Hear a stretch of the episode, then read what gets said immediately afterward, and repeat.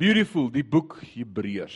Kom ons sit net so, dan bid ons saam. Ewige God en Hemelse Vader, as ons vanaand begin met 'n nuwe Bybelboek, ons 14de Bybelboek by Woordskool, dan wil ons vanaand kom bid soos elke ander aand dat Heilige Gees U vir ons hierdie woord sal oopbreek en dat ons dit sal verstaan. Ons het so honger en dors na U woord. En ons begeerte is Vader dat hierdie boek ons lewens sal verryk, dat dit iets sal doen in ons lewe, dat dit ons sal nader bring aan Christus in 'n verhouding met U, dat dit groei sal bring in ons lewe en ook heiligmaking. Ons eer U daarvoor. Dankie Heilige Gees dat U vir onsself hierdie woorde van Christus sal kom oopbreek. Ons loof U daarvoor in Jesus naam en sê ons sê amen en amen. Die boek Hebreërs Kom ons probeer die boek voordat ons dit doen indeel. En ons kyk hoe gaan ons hierdie boek hanteer. Dit gaan dit vir jou makliker maak om te verstaan hoe ons deur die boek gaan werk. So heel eerste die tema van die boek. Die brief aan die Hebreërs. Kan jy nou mooi sien daarvoor? Is dit reg so? Alraight. Die brief aan die Hebreërs oorweeg Jesus as die groot hoëpriester. Dis die een opskrif wat ek vir die hele boek kan sê as ek as jy my vra waaroor gaan die boek Hebreërs, is die skrywer probeer Jode, dis Hebreërs, die boek aan die Hebreërs. So vir wie skryf hy die boek? Vir die Jode, maar Christen Jode. En hy skryf hierdie boek aan Christen Jode of Joodse Christene, dalk beter omgestel om vir hulle te sê oorweeg Jesus as ons groot hoëpriester. Hoëpriester is 'n term wat ons kry uit die Joodse godsdiens. Wat het die hoëpriester gedoen? Ons gaan vanaand 'n paar keer daaroor praat. Een keer 'n jaar met Yom Kippur het hy in die allerheiligste ingegaan om te gaan offer vir die volk. En nou sê hierdie skrywer van die boek ons het 'n ander hoëpriester. Ons is nie meer deel van hierdie Joodse tradisie of entiteit of godsdiens nie. Daar's 'n beter godsdiens, 'n verhouding met Jesus. So dis die tema van die boek. Dan gaan jy sien van hoofstuk 1 tot hoofstuk 10 vers 18. Daardie gedeelte is instruksies. Alraight. Dis instructional. So daar sê hy vir ons wat om te doen. En dan kom hy in vers 19 van hoofstuk 10 tot in hoofstuk 13 en daar deel hy met vermaaning. Dat as julle geduldig is, dan sal ek volgende week vir julle elkeen so 'n fotostaat in die hand gee. Is dit reg? Sal dit help? As ek dit nou vir julle gee dan dan gaan julle nie vir my luister nie. So as julle volgende week kom sal ek vir julle elkeen een gee. Jock sê vir ons stel. Alraight. So ons deel dit in twee dele, instruksies en vermaaning. Kom ons deel dit meer in detail. Die instruksies, dit wat hy vir hulle probeer leer rondom Christus, hoofstuk 1 vers 4 tot ag 1 vers 1 tot 4 vers 13 sê hy daar's 'n beter persoon, Jesus Christus. Daar's 'n beter priesterskap as die Joodse geloof, Jesus Christus. Daar's 'n beter verbond met Jesus Christus as die ou verbond met Israel. Daar's 'n beter offer as die offer van beeste en skape. Dit was Jesus Christus. Daar's beter lewe as 'n verhouding met die verbond. Dis 'n verhouding met Jesus Christus. Dis wat die boek Hebreërs kom doen. Is dit nie mooi gestel nie? Soos elke keer in teen in kontras, in teenstelling met die wet en die Ou Testament. Kom ons vat dit verder. Hy beskryf die majesteit van Christus. Christus se majesteit. Dan van hoofstuk 4 vers 14 af tot by 9 of 10 vers 18 beskryf hy die bediening van Christus. Wat doen Christus vir my en vir jou? Hy kom leer ons daarvan. En dan in hoofstuk 10 vers 19 tot hoofstuk 13 die bediening van Christus. Dis dieselfde as die vorige een. Vir Christus. Die bedien ons bedien Christus. Ons lewe stel ons vir Christus. Alraight, great. Dan daardie gedeelte in hoofstuk 1 tot hoofstuk 10 vers 18 is doktrine. Julle ken al hierdie woord, julle het dit al gehoor. Toe ons Romeine gedoen het, het julle hierdie woord gehoor. Toe ons Efesiërs gedoen het, het julle hierdie woord gehoor, doktrin. Wat beteken die woord doktrine of doctrine? Kom aan, wie wil raai? Julle weet al, julle moet dit al toe vir my kan sê. Tom, wat beteken doktrine? Lering aangaande Christelike beginsels. Dis die leerstellings. Alraai van hoekom ons glo wat ons glo. In hoofstuk 1 tot hoofstuk 10 vers 18 is doktrine, hoofstuk 10 vers 19 tot hoofstuk 13 kom hy en dan deel hy met ons ons verantwoordelikheid of plig. Kyk hoe deel ons die boek op. Die hele boek is geskrywe Moreles in die jaar 64 tot 68 na Christus. Dis wat ek en jy sover van die boek weet. Interessant, né? So gewoonlik gee ek vir jou hierdie aan die einde van die boek want hierdie help my hierdie raamwerk om te weet by watter temas ons besig en wat is die hoofmoment van hierdie gedeelte waarmee ons besig is as ons vanaand begin dan in hoofstuk 1 vers 1 dan gaan ons praat dis instructional dis 'n instruksie dis lering. Ons praat oor die persoon Jesus Christus wat vir ons voorgehou word die majesteit van Christus, die leerstelling van Christus, dis waarmee ons gaan besig wees. Sodat dit help ons om gefokus te wees as ons deur die boek werk. Nou as ek vir jou sê, kyk hoe hy ingedeel, instruksie dan vermaaning. Doktrine en dan die verantwoordelikheid wat plig wat volg. Wie se styl van skryf was daai geweest?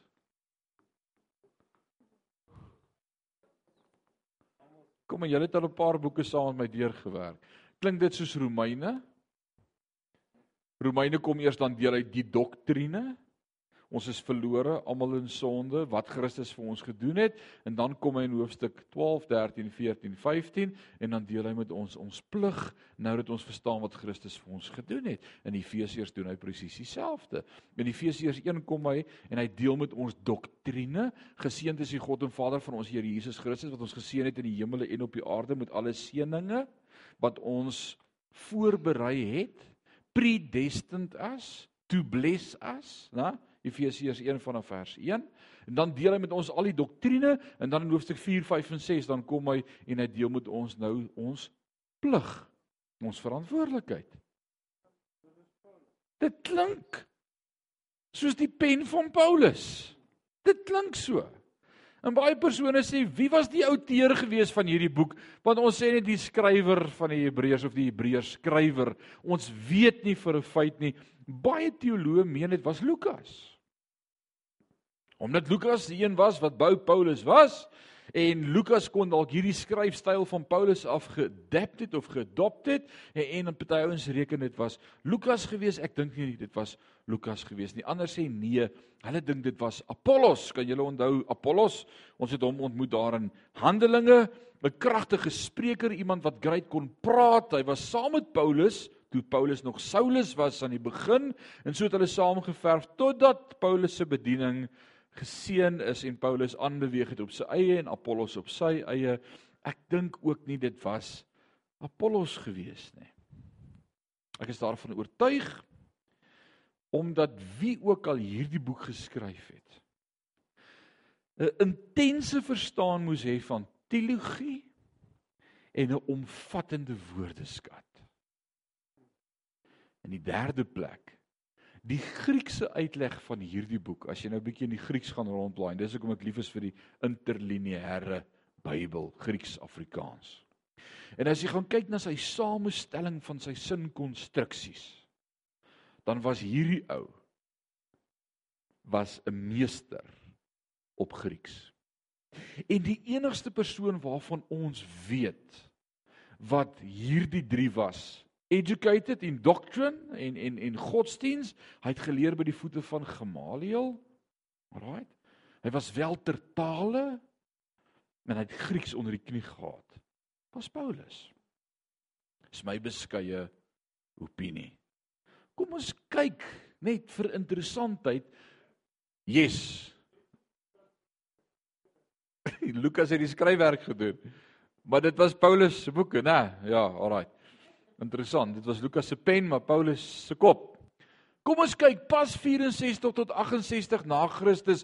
As ons dit op die tydlyn sin, pas dit in by Paulus se lewe of kan dit nie gel met wat in Paulus se lewe gebeur het nie? Nou gee ek vir jou so 'n stukkie van die tydlyn van Paulus se lewe en daar vind jy dit en dalk is dit bietjie klein vir jou om te lees of te sien, maar daai is die jaar van Paulus se lewe na Christus.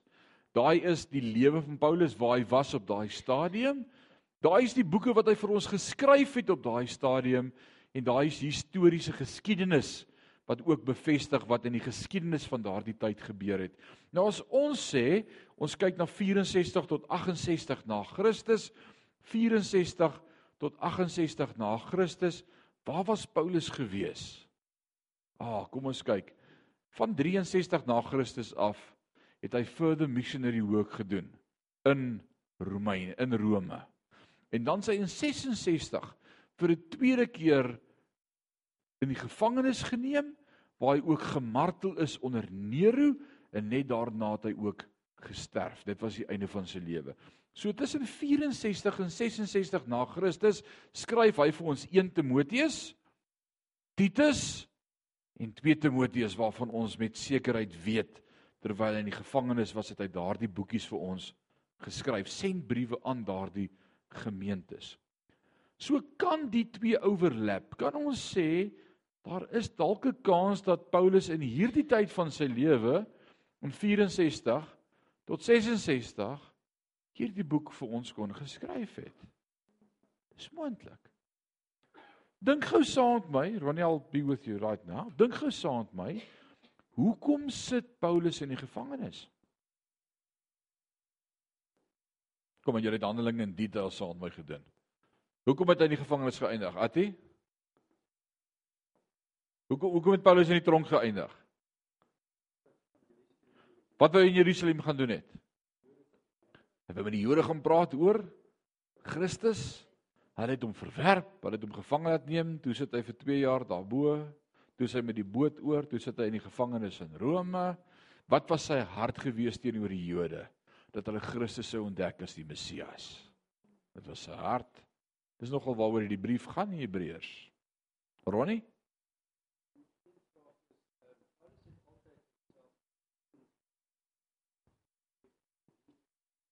Okay, very valid question.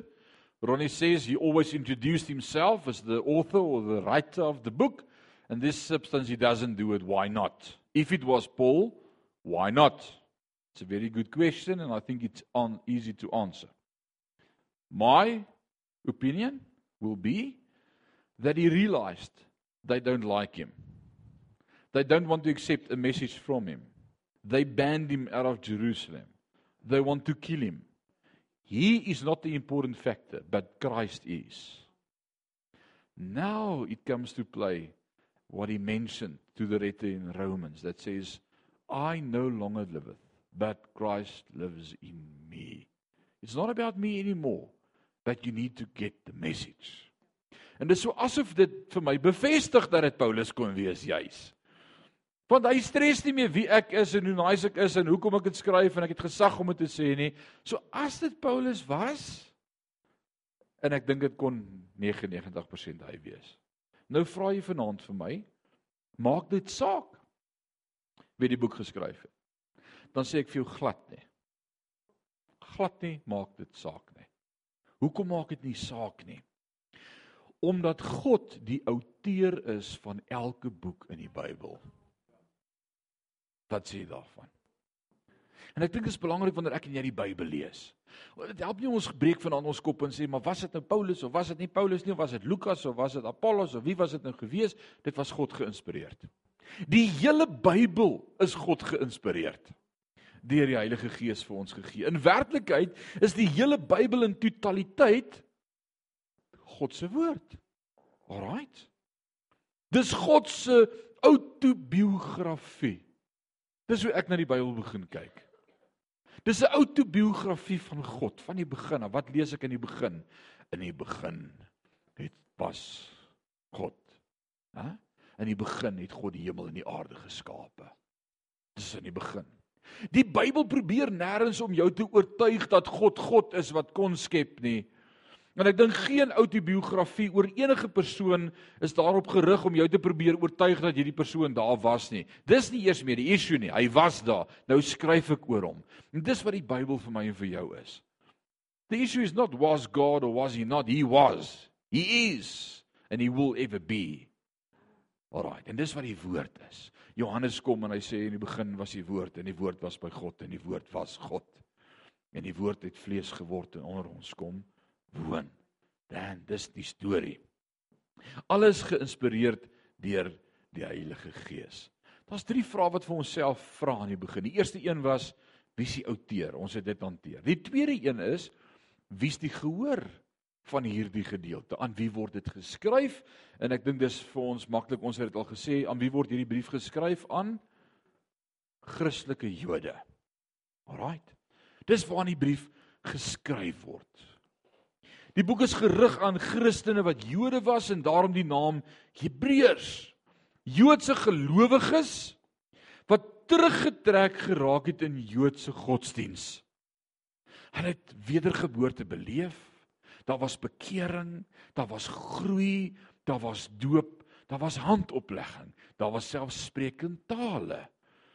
En nou het hulle weer die klokkies oorlei by die tempel Hulle het weer begin om dalk te dink ons moet offer. Hulle het weer teruggetrek geraak in hierdie Joodse tradisie en nou kom die skrywer van die boek Hebreërs en hy skryf vir hierdie Jode en sê: "Hokkai, dis twee verskillende goed. Jy kan dit nie versoen nie. Christus is die beter een. Dis wat ons net nou daar gesien het en dis wat hy vir hulle sê. Christus is die beter persoon. Dis beter priesterskap. Dis 'n beter verbond. Dis 'n beter offer. Dis beter lewe. Jy kan nie teruggaan na waar jy was nie. Inteendeel, in hierdie boek rig hy 2 of 3 duidelike waarskuwings aan Jode wat sou wou teruggaan na die Joodse godsdiens en sê as jy wil teruggaan na die Joodse godsdiens om jou te red, is jy as te ware afgesny van Christus. En dit gaan ons sien in Hebreërs 6 en veral ook in Hebreërs 10 en op 'n paar ander plekke waar hierdie waarskuwings rig aan hulle en sê pas op, jy kan nie teruggaan na waar jy was nie. Christus is 'n nuwe begin. Maar is die enigste begin. Alraight. So ons gaan daaroor gesels. En hy skryf aan hierdie brief om te help om terug te kom by Christus. Alles gaan oor Jesus. Wat is die argument wat hy voer in hierdie boek? Juis dit. Jesus Christus is groter en beter en sterker as die wet. As die Joodse stelsel, as engele, as owerstes Hy is die seun van God. Die genoegsaamheid van Jesus is wat hy in hierdie boek probeer redeneer. Die punt wat hy dryf is Christus is genoeg. Dink julle dis 'n topik vir ons dag? Ek dink dis so spot on vir ons dag waarin ons lewe. Dat soveel vraagtekens gesit word agter Christus Is hy genoeg? Was hy die regte God? Is hy die seun van God? Is hy en die Vader een? Wie's wie? Hoe werk wat? Het hy opgestaan? Leef hy regtig? Is die hemel werklikheid? Ouens, dis relevant. En die skrywer van die boek Hebreërs, ek moet my net elke keer keer om te sê Paulus, want uh julle kan my oor die vingers raps, maar ek is in my hart oortuig. Die skrywer van hierdie boek is juis die punt wat hy dryf. Dit gaan oor Christus. Dit gaan oor Christus. Nou wil ek vanaand jou help. En kom ons begin by hoofstuk 1 vers 1. Daai gaan ek daarbo los om vir jou net 'n idee te gee van waarmee ons besig is. Ons praat oor die persoon Jesus Christus. Ons gaan vir die volgende paar weke oor daai blokkie praat. Uh voordat ons gaan aanbeweeg, die van julle wat die eerste keer is by woordskool, moenie vanaand verwag ons gaan die boek klaarmaak nie. Uh die boek Openbaring het ons net 40 weke gevat. Die boek Romeine het ons net 40 weke gevat. Uh die boek evangelie van Johannes het ons 32 weke gevat. Ons is baie gemaklik in tyd saam. Maar ons wil seker maak ons verstaan dit duidelik dat daar nie misverstande kan wees nie. En twee van die woorde wat jy altyd by my gaan hoor en dis my bynaam konteks en verband. Wat sê die woord? Hoekom sê hy die woord? Vir wie sê hy die woord? Wat beteken die woord? En wat maak ek daarmee? Dis die vraag wat ek altyd vir myself vra. En dis sodat ons die teks reg sal verstaan. So Hebreërs 1 vers 1. My Bybel sê nadat God baie kere en op baie maniere in die ou tyd gespreek het tot die vaders deur die profete, het hy in hierdie laaste dae tot ons gespreek deur die seun. Beautiful. Met wie begin hierdie skrywer lostrek en oor wie begin hy praat? God. God. Alraight.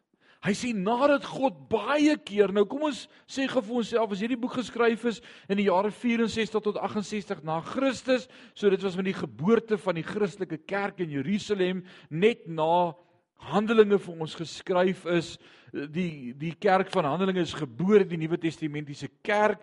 Dit vir 'n verborgenheid was in die Ou Testament kerk was weggesteek in die Ou Testament. In die Ou Testament was jy deel van die volk van die Here punt En nou ewe skielik na Christus is daar ook redding vir heidene en ons word nie deel van die volk van Israel nie, ons word deel van die kerk, 'n nuwe entiteit wat vir ons gestig is. Waar sien ons dit baie mooi in die woord beskryf deur Paulus as hy praat oor hierdie nuwe entiteit wat gevorm is. Efesiërs hoofstuk 2. Kan jy onthou in Efesiërs 2 praat hy oor hierdie nuwe kerk, hierdie nuwe entiteit wat nie meer bestaan uit Jode of uit heidene nie, maar uit wedergebore kinders van die Here, Christene. So jou ent, jou identiteit as persoon in Christus, jy word deel van die kerk of die gemeente of die liggaam van Christus. Drie woorde wat beskryf word in die Nuwe Testament vir wat ons is. So ons is nie vanaand geestelike Israeliete nie. Ons is deel van die kerk van die Here Jesus Christus. Alraight, het ons dit. Julle moet dit al hê na al die jare van woordskool saam met my. Kyk wat skryf hy sê nadat God baie keer op baie maniere in die ou tyd. So as hy praat van die ou tyd, kan ons praat van in die Ou Testament. Wat sê julle? Wat ek bedoel, hierdie Nuwe Testament word nou eers gebore. Handelinge is nog nie eens klaar geskryf nie. Dit gebeur nog. Uh, daar was nog nie eh, Korintiërs en Hebreërs in Filippense en Efesiërs en Galasiërs en dit was nog nie eens geskryf nie. Dit kom nog. So as hy praat hier met hulle en sê God het baie keer op baie maniere in die ou tyd gespreek. Waarvan praat hy? Geskiedenis. En waar vind ek en jy daardie geskiedenis in ons Bybels? Van die boek Genesis tot by Maleagi. Daardie deel deel met die geskiedenis van God se skepping, van die begin tot by die kruis. Nou sê hy, o God het op baie maniere met ons gepraat in die ou tyd tot die vaders en deur die profete, maar hier in die laaste dae, nou praat hy met ons deur sy seun Jesus Christus. Jesus het vir ons gesterf aan die kruis. Jesus het opgestaan. Dis die boodskap van die Nuwe Testamentiese kerk. Is daar's verlossing, daar's genesing, daar's bevryding, daar's 'n nuwe entiteit kerk wat gebore is. Jy word deel van die liggaam van Christus, die nagmaal, sy bloed. Hy het opgestaan, sy wederkoms, die hemel, nuwe begrippe en terme wat skielik oopgaan vir die kerk wat gebore word, wat nie in die ou tyd vir ons beskrywe was nie. Hier's heeltemal 'n nuwe moment. 'n Sien 2 van hierdie drama wat ontvou en is totaal en al iets anders as wat ons gedink het uit die eerste gedeelte uit. Nou sê die woord God het in die verlede duidelik met ons gepraat. Vers 1 sê dit, kom ons sê hoe het God met ons gepraat in die verlede as ons kyk na die Ou Testament. In die eerste plek wil ek sê deur die skepping. God praat deur sy skepping. Die skepping roep uit. Daar moet 'n God wees. Sy het twee weke terug gesing hoë berge, diepe dale. En alles roep uit, daar moet God wees. Is dit nie toevallig dieselfde boodskap wat Paulus dryf in Romeine 1 vir die van julle wat Romeine gedoen het? As hy in Romeine 1 begin en beskryf dat God die skepping van die begin af daar gestel het en dat die skepping getuig daar's 'n God. Hy sê niemand kan sê daar's nie 'n God nie, want selfs die skepping getuig. Elke aand as jy buite onder die sterre gaan staan. Andre, julle was nou daar in die Karoo gewees. Ek seker jy was iewers ter een aand buitekant uh, en dis net dis net anders as selfs in Parys, wat nog van Johannesburg. Maar as jy net daardie skoonheid beleef en opkyk en sê Wat sê jy van self wanneer jy net so opkyk? Wat is wat is die boodskap wat eintlik uit jou hart uitkom? Ah, oh, dan moet 'n God wees. Is dit nie so nie? Andrei?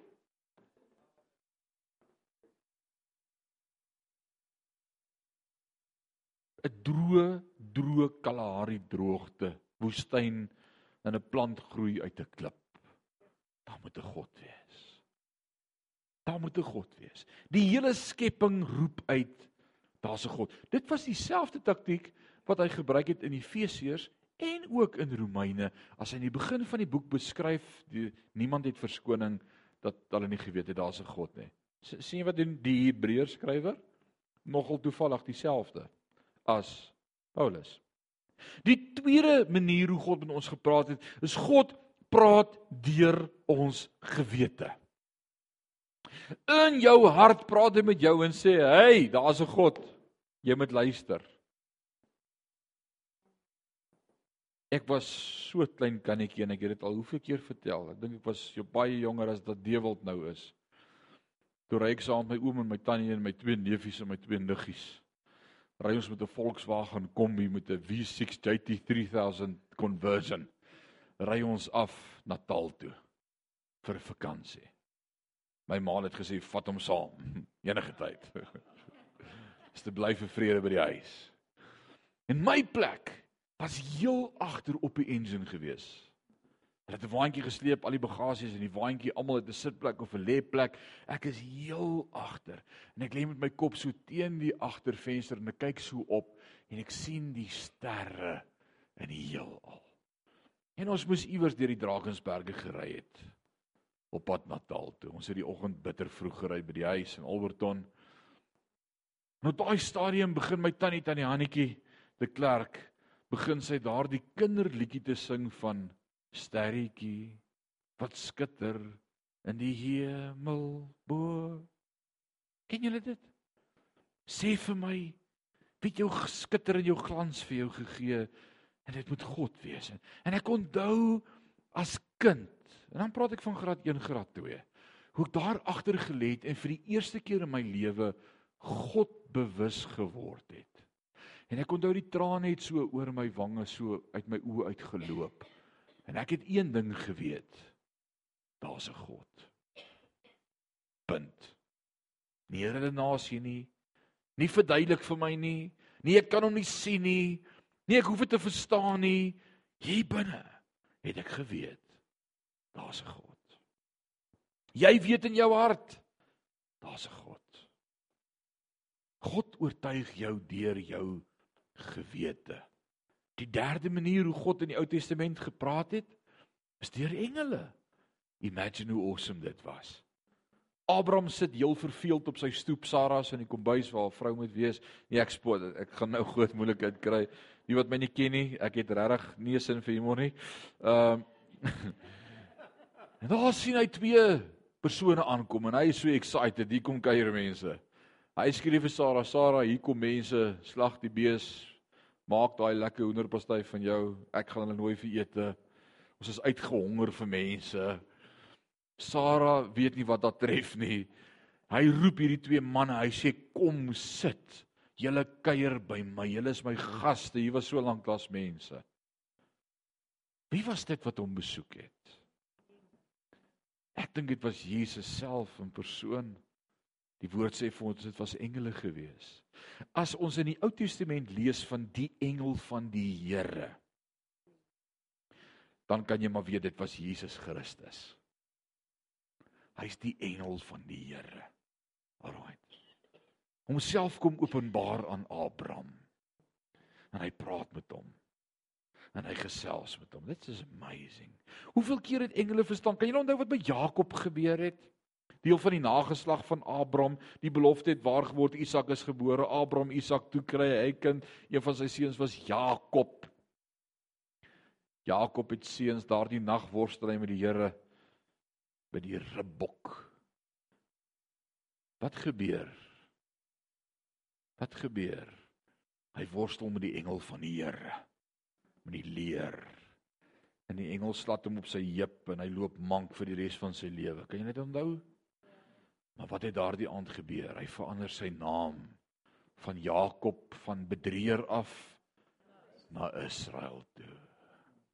Hy het 'n ontmoeting met die engel van die Here. Van Jakob na Israel. Beautiful. God het deur engele gepraat in die Ou Testament. Ek dink dit moes amazing gewees het. Wie van julle sal graag engele wil hoor praat met jou? Luister vanaand as jou vrou met jou praat. Alraight. Dan deur profete. God gebruik profete in sy Ou Testament. Hulle hulle wil nie almal ontmoet nie engele nie en die engele kan nie elke dag vir elkeen 'n boodskap bring nie. En God roep profete en hy roep hulle op en hy en hy roep profete op om met sy volk te praat en 'n woord te bring. En party profete het terrible dinge gedoen. Party profete het gelyk of hulle mal word. Party profete het net 'n paar dae op die toneel gewees en dan s hulle weg. Ons kry die klein profete en die groot profete in die Bybel. Onthou julle vir Habakuk en Micha en ja, klein profete. Dan kry jy Jesaja en Jeremia en man, dit was manne wat gepraat het en dan kry jy ouens soos Esegiel. Ons wonder nou nog wat het hy probeer sê want ons verstaan dit nie want ons ken nie die Bybel nie. Baie van die goed wat ons sien in Openbaring rondom die laaste daar sien ons in Esegiel maar o, oh, dalk het jy dalk het jy oor Israel se einde profeteer. Ons het heeltyd verstaan hy's nie lekker nie. Hy het 'n woord gehad van die Here. Maar hulle het nie die profete verstaan nie. God het probeer om deur profete te praat en dan ook deur die Heilige Gees. God het deur sy Gees self met mense gepraat in die begin in die kerk van Handelinge. So almal het gepraat, maar die boodskap was so moeilik om te verstaan.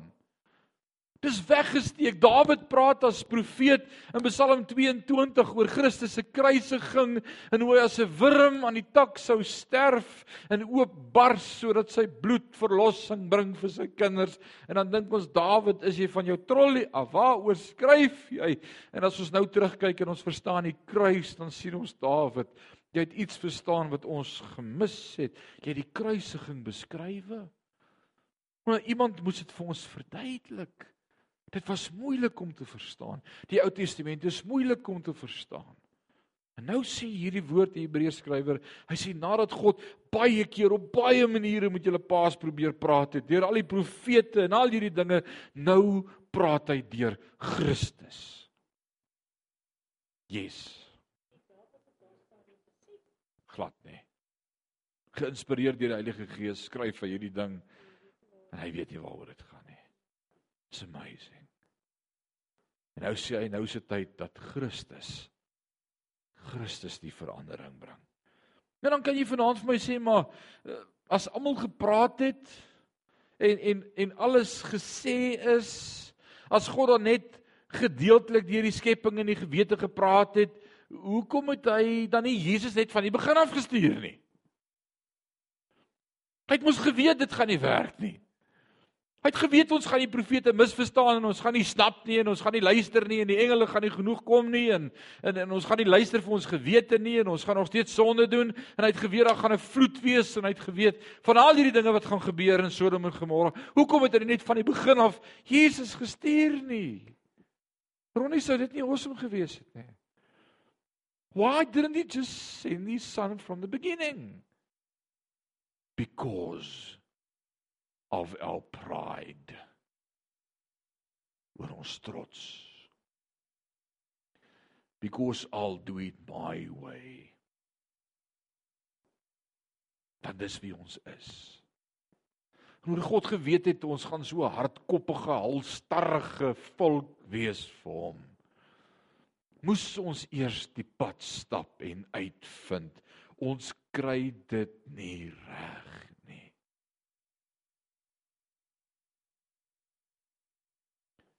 aan die begin en ons het met ons Kersdiens daardie oggend was dit my woord gewees. Ek het die woord van God net oopgebreek en gesê hoe werk die woord en hoekom is die woord net soos hy gegee is vir ons en wat het elke boek in die Bybel vir ons probeer doen en wat leer ons daardeur? As jy dit gemis het, kry dit gerus. Ek kan dit nie vanaand weer herhaal nie. En onthou al ons opnames is op YouTube. Jy kan dit gaan Google Sion Gemeente of op SoundCloud. Dis 'n toep of 'n toepassing of 'n app op jou selfoon of 'n webblad www soundcloud.com en daar search jy net vir Sion gemeente en jy kry al ons woordskoolmateriaal vir die afgelope 5 jaar verniet en gratis. Dis daar.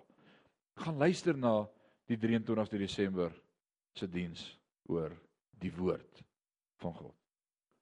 Alraight. Maar hoe hoekom het Christus nie net van die begin af gekom nie? Want Jesus het geweet ons moet eers besef ons is verlore. Ons moet eers uitroep na hom. Ons moet eers verstaan ons verstaan nie die profete nie. En ons luister nie vir ons gewete nie. En ons is ongehoorsaam aan die Heilige Gees. En ons is nie in sy woord nie. En ons kyk nie na die skepping nie. En ons is op pad hel toe. 'n Mens wat verstaan hy's verlore is 'n mens met hoop. Iemand wat verstaan ek is verlore. Vir hom is daar hoop. Totdat 'n persoon nie verstaan hy's verlore nie, is daar nie vir hom hoop nie. Verstaan jy wat ek sê as ek dit sê? Ek en jy moet eers verstaan ons sonde, ons is dood. Ons moet eers uitroep na God, red my. En toe staar vir ons redding. Maar wat dink hy's okay? Al do it my way, die volkslied van die hel. Hy's verlore. Want hoekom het hy Christus dan nodig? Right. Kom ons kyk vanaand. Dis die laaste punt wat ek vanaand wil maak. Net 'n paar versies.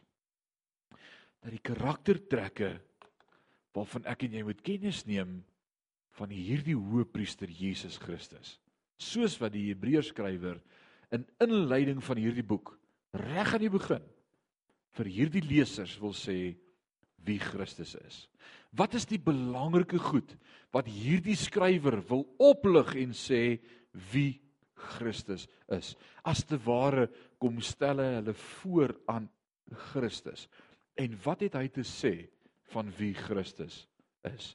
Dis interessant. Vers 2. Wat hy as erfgenaam van alles aangestel het.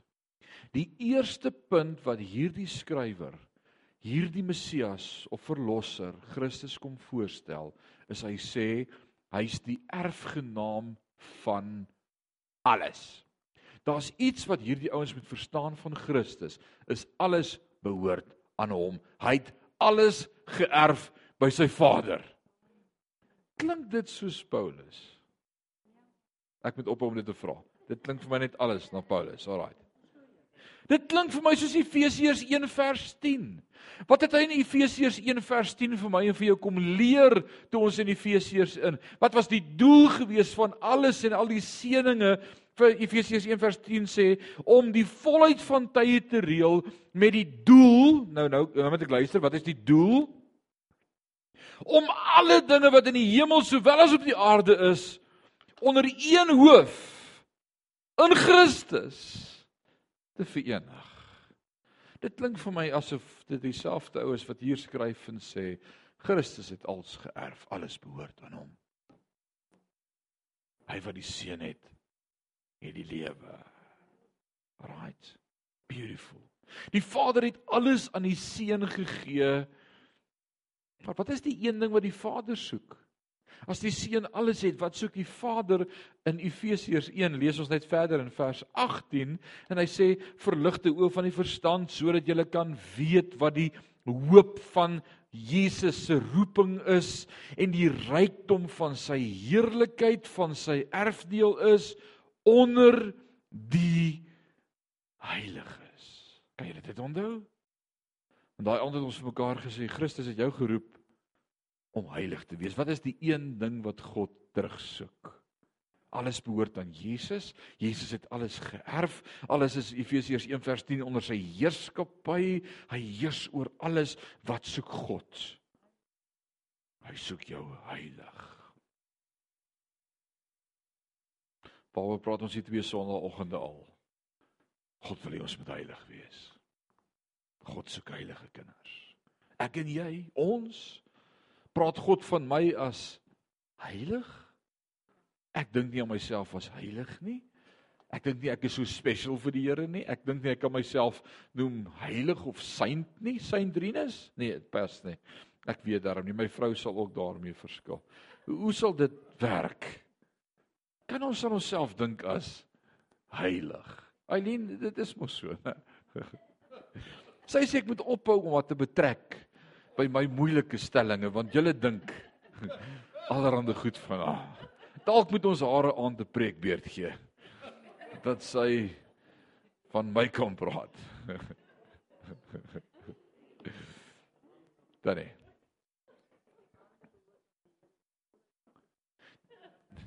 So beautiful so sê die psalms herinner ons daaraan die aarde behoort aan die Here en alles wat daarin is en die volheid daarvan ek en jy ons behoort aan die Here praat hy van ons as heilig? Kan ek vir myself praat as as heilig? Is ek nie sommer maar net 'n rubbish wat 'n glips was en toevallig in my terrible pad en my verlede en sonde en alles ek so skaam daaroor ek wil dit wegsteek en, en ek ek weet nie of ek special is vir die Here nie. Dan herinner ek jou aan die gelykenisse wat vir ons opgeteken is in Matteus hoofstuk 13.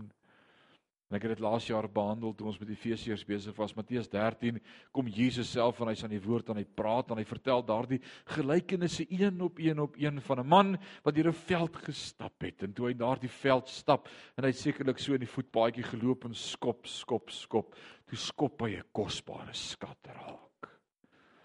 En toe hy daardie skat sien toe gaan hy haastig gaan hy verkoop alles wat hy het om daardie stuk grond te koop. En toe hy daardie stuk grond koop, toe vat hy daardie skat. En dan sê ons vir mekaar, nou wie's die grond en wie's die skat en wie's wat? En dan as ons net verder lees, dan sê Jesus vir ons wie's wat. Hy sê die stuk grond is die wêreld. En daardie kosbare skat is ek en jy. En die prys wat hy betaal het om daardie stuk grond te kry, is die kruis, sy bloed. Jesus gee homself sodat hy van my en jou kan praat as 'n kosbare skat. Erfgenaam sy kinders. Wow. Dis wat hy van my en van jou sê. Hy sê 'n ander man het daardie kosbare parel, hy het alles gaan verkoop om daardie kosbare parel te kon koop. Jesus beskryf ons met 'n kosbare parel. Is dit nie amazing nie? so hy oor ons voel. Hy's die erfgenaam deur wie? Wie? Ek en jy het gedink God het alles gemaak. Dis die tweede punt. Daar gaan ons na punt 2 toe wat hy beskryf van die karakter van die hoofpriester, deur wie hy ook die wêreld gemaak het. Wie wie is hy besig om te beskryf? Onthou die hele tyd wie van wie praat ons? Sê Christus. Christus Jesus. Jesus die gekruisigde. Alraai, dis van wie die Hebreërs skrywer hier praat. Hy sê in die eerste plek erfgenaam van alles, alles behoort aan hom. In die tweede plek deur wie hy ook die wêreld gemaak het. Wie is hy met die hoofletter daar in daai sin? Dit was Jesus. En hy sê vir my nou verstaan ek nie lekker nie, was dit nou God wat die wêreld gemaak het of was dit Jesus? Wie het nou eintlik die skepping gemaak? Wie was dit gewees? Ek en jy het gedink God het alles gemaak. Genesis 1 sê in die begin het God die hemel en die aarde. Maar, maar Johannes 1 kom en dan sê hy dat Jesus alles gemaak het en niks ontstaan het sonder dat Jesus daar was nie. Gaan lees weer die evangelie van Johannes hoofstuk 1. As Johannes skryf en sê niks het tot stand gekom sonder Christus nie en Christus het alles gemaak. So wie het dit gemaak? Die Vader of die Seun? In werklikheid moet ek en jy verstaan die Vader was die argitek. Hy is die een wat die plan beskryf. Die Seun is die kontrakteur en die Heilige Gees is die vakman. En ek kry nie 'n ander manier om dit te beskryf as dit nie. Sorry. Maar ek was mos eers op die myn gewees voor ek in die bediening was. Die Vader is die argitek. Hy teken die groot plan. Dis wat ek wil hê. Jesus sê al dood en hy gebruik die Heilige Gees om dit te doen. Dis die drie eenheid van God. En sonder een van hulle het niks ontstaan nie en deur hulle het alles ontstaan. Hy was betrokke by alles. Alraai. So die skepping was van die Vader deur die Seun in die krag van die Heilige Gees. Want wat sê Genesis 1 vir ons? In die begin het God die hemel en die aarde geskape en die aarde was woes en leeg en die waters was oor die aarde en die gees van God het oor die aarde gesweef. Jesus sê dit so mooi en ons gaan dit 'n paar keer in hierdie boek hanteer. As hulle vir hom daar in Matteus 14 in Johannes 14 vra, toon ons die Vader, dan sê hy as julle die Vader wil sien, as julle my gesien het, het julle die Vader gesien. Ek en die Vader is een. Net wat die Vader vir my sê om te doen, dit doen ek. Net wat hy eh, ons is een, ons is een. Hulle dit nie lekker verstaan nie. Ons gaan net nou meer daaroor praat. Alraai. So en dit is wat ons teks hier sê deur wie hy ook die wêreld gemaak het. Jesus was betrokke by alles. Hy is die outeur van die skepping. Die derde belangrike punt wat hy hier toeskryf en en dit gaan jy vind in hoofstuk in vers 2, 3 en 4 van Hebreërs hoofstuk 1. Hulle volg so op mekaar. Ek het nie iets weggelaat nie. Jy kan hulle net so elke keer onderstreep in jou Bybel. Dis die sewe punte wat Christus beskryf as hoëpriester. Die derde punt sê in vers hy wat die afskynsel is van sy heerlikheid. Die afskynsel van sy heerlikheid. Die Engels sê dit baie beter. Hy sê who being the brightness of his glory. Isn't that much better? That's just that's well said. The brightness of his glory. Who being the brightness of his glory.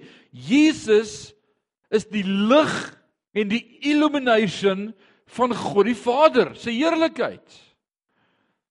Dis dis dis net amazing. Daar gaan nie 'n son en 'n maan in die hemel wees nie.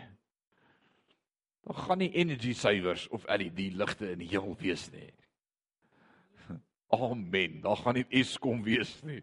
Geen beerdkrag nie.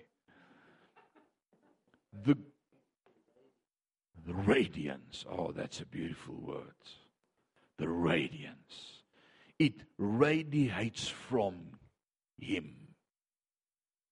He is the source. Die bron van energie. En sy heerlikheid gaan so uit hom uit skyn dat daar nie 'n son of 'n maan hoef te wees in die hemel om lig te gee nie. Ek dink nie ons kan begin om te dink oor die hemel nie. What a day that will be when my Jesus I shall see. Oh man, when I look upon his face, the one who saved me by his grace, when he takes me by the hand and lead me to the promised land. Oh, what a day, glorious day that will be. Ek kan nie wag nie. Oh, I want to see him look upon his face. Oh, Ja, alraai. So die seun sy heerlikheid gaan alles verlig. Die son wat so helder skyn op hierdie oomblik daar buite wat lig bring elke dag vir my en vir jou. Verbrand 1,2 miljoen ton materiaal om daardie lig te kan uitsit praat van 'n Eskom krisis met tekort aan steenkool. 1,2 miljoen ton per sekond se energie word verbrand, se materiaal om daardie energie lig te kan uitstraal. My kop is te plat om dit te verstaan. Dit help nie jy sê dit vir my nie. Elke sekonde verbrand 1,2 miljoen ton se materiaal van die son om vir my en vir jou te kan lig gee. Energie. Interessant as ons daaroor begin dink en ons sit dan nou terugwerk en hier is nou sommer weer 'n klap vir die evolusie manne wat so graag wil glo in evolusie. As jy dan hierdie biljoene jare vat teen 1.2 miljoen ton per sekond moes die son verskriklik groter gewees het as wat hy nou is aan die begin van die skepping. Soveel so dat hy teen die aarde sou wees en die aarde die hele tyd 'n gesmelte massa sou gewees het waarop niks kon gebeur het soos wat dit beskryf word in evolusie terme nie. Die ander deel van evolusie se siening is dan moes die son in die afgelope 7000 jaar wat ons ken as skepping aansienlik gekrimp het. Want as jy krimp teen 1,2 miljoen ton per sekond. Johan, ek weet nie hoe werk jy met wiskunde nie, maar ek wonder of daar son dan moes oor wees. Maar wie hou die son in stand? Daar moet 'n God wees. Jy kan nie dit beskryf nie. Jy kan nie natuurwette in plek sit vir 'n God wat nie gekoppel is aan wette nie. Dis kan nie. Ons moet vir mekaar sê dan moet 'n God wees. Jy kan vanaand rustig slaap. Want daar's 'n God wat die heelal vashou in sy hand. Alraight. Imagine dit. So Jesus weerkaats nie net die Vader nie, nee, hy skyn saam met die Vader want hulle is een. Amazing.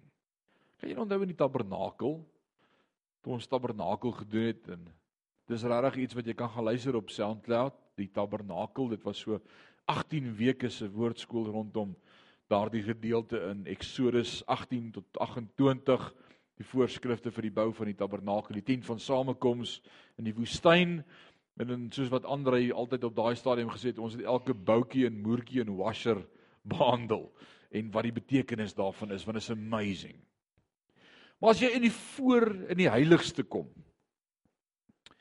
dan jy drie elemente gevind, drie drie dinge het jy daar aangevind, drie meubelmente. Aan jou regterkant was die tafel met die toonbrode. Voor jou teen die teen die uh voorhangsel was die reukofferaltaar, die wierook, die insens. En dan aan jou linkerkant was die goue kandelaar met sy sewe die lampstand met sy olie. En iemand moes daardie olie lampstand aan die brand steek, die die priesters wat diens doen in die tempel, hulle moes dit skoon hou, olie ingooi elke dag, olie meng om in te gooi en op 'n stadium het daardie olie opgeraak, kan jy dit onthou? Alraight. Alraight. Dit was die lig wat daar gebring is. Maar een keer 'n jaar kon een persoon onder daardie voorhangsel deurkruip in die allerheiligste in. Maar dit was nie donker in die allerheiligste nie. Daar was lig in die allerheiligste. Wat se lig was in die allerheiligste? The radiant light of the glory of God. God self was daar. Hy het geskyn. Daar was nie lig nie. En die probleem van as hierdie persoon as individu met sonde in sy lewe in die allerheiligste voor God sou kom, dan sou hy sterf. So hy het vir baie baie langer as 21 dae Daniël vas het hy gevas en gebid en seker gemaak al sy sondes is bely en uitgesort voordat hy vir die volk moes gaan intree in die allerheiligste. En dan het gebeur dat van die hoëpriesters daar gesterf het en niemand kon hulle in die hande kry tot volgende jaar as iemand moet ingaan nie. So dis 'n stinkspel. So wat toe gebeur het is toe sê hulle maar kom ons bind 'n tou om sy voet vas en ons sit klokkies aan sy rok. 'n Granaat, 'n klokkie, 'n granaatpit, 'n klokkie, 'n granaatpit, 'n klokkie, dat dit tingel tingel tingel as jy beweeg en dan as hy daar binne op en afstap kan ons hoor hy lewe nog, hy lewe nog. Daar's lewe. Daar's 'n geritsel van sy kleed. En as ons hoor dit raak stil, dan trek ons hom aan die tou aan sy voet onderdeur die kleed terug. Alraight. Een keer 'n jaar. Die heerlikheid van God het daar geskyn in die heerlikheid. Maar toe toe Jesus vir my en vir jou gesterf het, toe is daar 'n probleem in die tempel. Die voorhangsel skeur van bo na onder. En die tempel het nie versekerings gehad op die voorhangsel nie. Dit hulle moeilikheid. Want Christus het kom sê ek het vir jou gesterf aan die kruis. En sonde gaan my nie meer keer om 'n verhouding met jou te hê nie want ek het daarvoor betaal. Kom maar nader. Kan jy onthou wat gebeur het toe Moses daar op die berg was en God wou sien en God vir hom gesê het as jy my sien sal jy sekerlik sterwe, maar as jy in die skeur in die rots klim en ek beweeg verby, dan kyk jy net so van agter af en net daai kyk van agter af het vir Moses so laat straal van weer die heerlikheid van God dat hy vir hoeveel dae nie 'n bedekking oor sy gesig moes sit sodat die volk nie blind word as hulle na Moses kyk van God se heerlikheid nê. Hierdie God kom woon onder ons en hy sê die voorhangsel is geskeur. Ek soek 'n verhouding met jou. Kom nader. Dis wat hy sê, die afskynsel van sy heerlikheid. Hy sê en die afdruksel van sy wese. Wat beteken die afdruksel van sy wese? Daardie term wat beskryf word as 'n afdruksel is wanneer jy 'n beeld sou maak van iets en dit uitkerf uit hout uit en dan 'n metaal vat en baie warm maak en daardie stamp as te ware daarin stamp en dit wegvat en dan jy twee wat dieselfde lyk. Die original en die afdruksel. Maar hulle lyk dieselfde. Ek dink vandag se kinders sal dit nou nie ken nie en ek dink nie meer hulle leer dit op skool nie. Maar toe ek en my vrou getroud is 21 jaar terug, toe was dit al aan die uitsterf 'n seelring. Kan julle onthou? 'n Seelring. En toe besluit ons toe ons ons huwelikskaartjies uitstuur Ons gaan dit in die vorm van 'n A4 vel maak en ons gaan hom so vou dat hy lyk soos 'n kaartjie en dan ons sulke rooi kers was daar gedrup wat hom bymekaar hou en dan het ons so 'n stamp laat maak by Cresset drukkery. RNE, Rinus en Eileen. En dan het ons hom so gestamp en dit was ons uitnodiging voor op 'n adres in die pos gegooi, seël op en ons het die gaste genooi. Daar was nog nie e-posse gewees en sulke dinge nie. Daar was net gewone pos gewees. Alraai. Dis 'n afdruksel van die original. Nou beskryf die skrywer vers 3 en hy sê en die afdruksel van sy wese. In hoofstuk 14 vra hulle vir Jesus wys ons die Vader en wat sê hy vir hulle? Hy sê ek is die afdruksel van die Vader. As jy hom gesien het of my gesien het het jy hom gesien. Ons is dieselfde. Ons is een. Ons lyk dieselfde.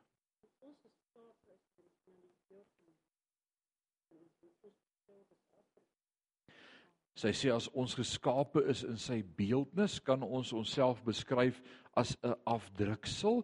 Ek dink dis wat God se plan was met Adam en Eva. Sonde het dit bietjie kom vertroebel en kom verduister. En daarom sukkel ons om in mekaar God raak te sien want ek het met 'n engel getrou. En nou vra ek wie die duiwel losgelaat in die huis. Is dit nie so nie? Is nie in ons huis so nie, glad nie. Ons is ons is baie gelukkig getroud. Ons ek het 'n fenominale wonderlike gelukkige huwelik. Ek spot regtig net. Ek ek spot net daaroor. Absoluut. Sy betower my nou nog. Prof Marius sê as jou vrou vir jou sê my engel, moet jy oppas, sy's dalk besig om van jou een te maak. Sy gee jou gif in. Nee, ek spot. Alraai. Ek gaan nie meer so lank wees nie. So wat hierdie Hebreërskrywer vir ons sê hier in vers 3 is Jesus is die afdruksel van God. As jy Jesus aanskou, dan sien jy God. In die verlede het ons gewonder hoe lyk God? Moses wou sê, ek wil U sien. God sê, jy kan my nie sien nie. Ek's te heilig.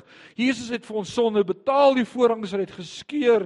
En nou kan ons na Jesus kyk en ons kan God ontdek. En daarom is dit so wonderlike belewenis as jy die evangelie van Johannes met my gaan doen op SoundCloud. Luister dit deur. Ek weet nie wanneer gaan julle tyd kry om te slaap as julle alles met luister nie, maar jy's 'n paar jaar agter as jy nou eers hier opdaag. Maar in die evangelie van Johannes het ons God ontdek is 'n God van liefde. 'n God van omgee. 'n God van empatie. Nie die kwaai een met die sambok wat pak gee as jy verkeerd doen nie. Hy's liefdevolle hemelse Vader. Hy het jou lief. Dan die vyfde punt wat hy beskryf is en alle dinge dra deur die woord van sy krag wat hou alles bymekaar en dis 'n mooi beskrywing van wat Christus kom doen hy hou die hele wêreld in sy hand hy hou die wêreld in sy hand hy hou vir my en vir jou in sy hand hy hou die hele wêreld in sy hand alles bymekaar. Wat hou jou huwelik bymekaar? Wat hou jou kinders bymekaar? Wat hou jou wêreldjie bymekaar? Jesus. As jy in Christus is, is jy heel. En ek wil vanaand sê ek is oortuig daarvan dat as 'n man en 'n vrou saam in die woord van God is, daar niks sal wees wat hulle kan skei op hierdie aarde nie waar 'n man en 'n vrou saam in die woord van God is, kan geen gebeurtenis hulle skei op hierdie aarde nie. God hou ons bymekaar. Die woord van sy krag. Dis wat ons sonne aan hier kom beleef en ervaar met woordskool. God se krag. Die 6ste punt wat die Hebreërs skryf beskryf van wie die karakter van die Hoëpriester Jesus Christus is, is deur homself die reiniging van ons sondes het hy bewerk. Deur homself. Sê homself. Wat beteken dit deur homself? Dit beteken twee dinge. Deur sy eie liggaam, deur homself, maar ook op sy eie, hy alleen deur homself. Twee goed wat dit beteken. Onthou hierdie woord word geskryf aan die Jode en daar was eenmal iemand wat een keer per jaar kon ingaan om te kan offer op Yom Kippur die hoëpriester en niemand anders kon daardie dag gaan offer nie. Wie van julle het al bees geslag? Al ons boer seuns, mans en vrouens sê ja, ons het al bees geslag. Ek weet nie van jou nie, maar dit is nogal harde werk. Dis harde werk. En hierdie hoëpriester moes man alleen 27 diere offer op een dag. En dit moes volgens spesifikasies gesny word. Presies soos wat die woord dit beskryf het. En niemand kon hom help nie. Eenou. Net eenou. Dit neem sekerlik baie energie. Jesus het deur sy eie liggaam op sy eie alleen vir my en vir jou die offer bewerk en dan kom punt 7 en hy sit aan die regterhand van die majesteit in die hoogte omdat hy alleen op sy eie met sy liggaam vir sonde kon betaal as offer het hy die voordeel om te sit aan die regterhand van God die Vader. Met ander woorde, ons heerser. En dis waarom hierdie Hebreërs skrywer klaarmaak in hierdie vers. Hy is die heerser. Hoe regeer hy as heerser daarbo aan die regterhand van God die Vader? Wat doen hy daarbo? sit hy net. Paulus skryf toevallig vir ons in Romeine 8 vers 34 en hy sê vir ons wat doen die hoëpriester wat sit aan die regterhand van God in die hoogste hemele. Hy beskryf dit as volg. Hy sê: "Wie is dit wat veroordeel?" Christus is dit wat gesterf het, ja nog meer ook wat opgewek is. Wat ook aan die regterhand van God is wat vir ons intree. Die Engels sê dit net baie baie beter. Hy sê who also make intercession for us. Hy tree vir ons in by die Vader. Hy bid vir jou en vir my voordat jy nog vanmôre jou eie gebedjie kon opsê, het Jesus klaar vir jou gebid. Ek kan nie dink aan 'n beter intercessor as Jesus Christus self nie. Jy hoef vir geen gebedsgroep of WhatsApp te stuur om te vra help bid nie. Jesus het klaar vir jou gebid. Oh man, that's powerful. Dis dieselfde patroon wat Paulus gebruik in Romeine en in Efesiërs en in Galasiërs. Hier so iets van maak nie saak wie dit skryf nie. Wat belangrik is is wie hy is. Hy's God. En hy's awesome. En hy's groot so sy heerskappy oor ons is baseer oor sy gebede vir ons. Nou as hy vir ons bid, beteken dit seker hy moet vir ons omgee, Johannes, dit reg as ek so sê. Ek bid nie vir iemand vir wie ek nie omgee nie. So hy heers in sy heerskappy deur sy liefde vir ons. En omdat hy vir ons omgee, bid hy vir ons. And this amazing. So ek kan oor elkeen van hierdie sewe karaktertrekke nadink en dit bepeins en daar's een ding wat ek net kan sê as ek na alles kyk vanaand so ver is ons God is 'n groot God. En hy's awesome. Atie. Hy's awesome. Alles behoort aan hom. Hy het alles gemaak. Hy is die afskynsel van God se heerlikheid en die afdruksel van sy wese en alles word deur sy woord geonderhou en hy het homself gegee as reiniging van my sondes en hy sit aan die regterhand van God die Vader van die majesteit in die hoogte hemele.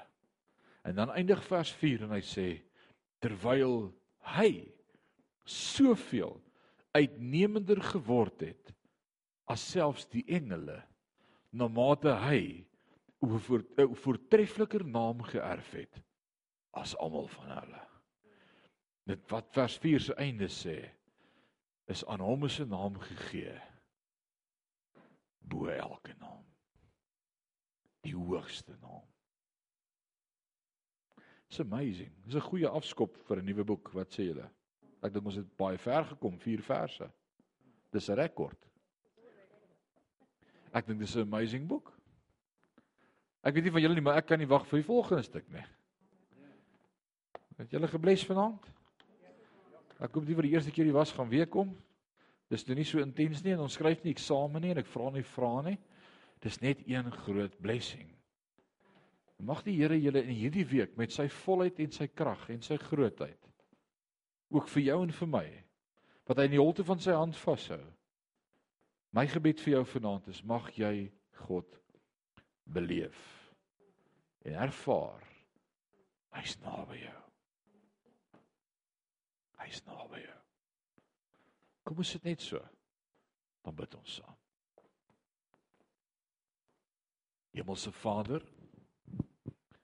so baie dankie vir die kosbare woord wat U vir ons oopbreek vers vir vers vir vers. Wow, ons het vanaand soveel gesien en geleer van 'n boek waarvan ons eintlik so min weet. Ons wil vanaand vir u sê net u is awesome. Our God is an awesome God. He reigns from heaven above with wisdom, power and strength. Our God is an awesome God. Here, omdat U in ons belangstel, dit gaan ons verstand te bowe. Dat U met ons gemeenskap wil hê, sal ons seker eendag verstaan. Dat U ons so oneindig liefhet, maar ons verstaan dit nie. Maar ons wil net sê dankie. Dankie vir die kruis. Dankie vir Christus. Dankie vir verlossing. Dankie vir wedergeboorte. Dankie vir 'n beter testament. Dankie vir Christus. Ons loof U daarvoor. In Jesus naam. Amen.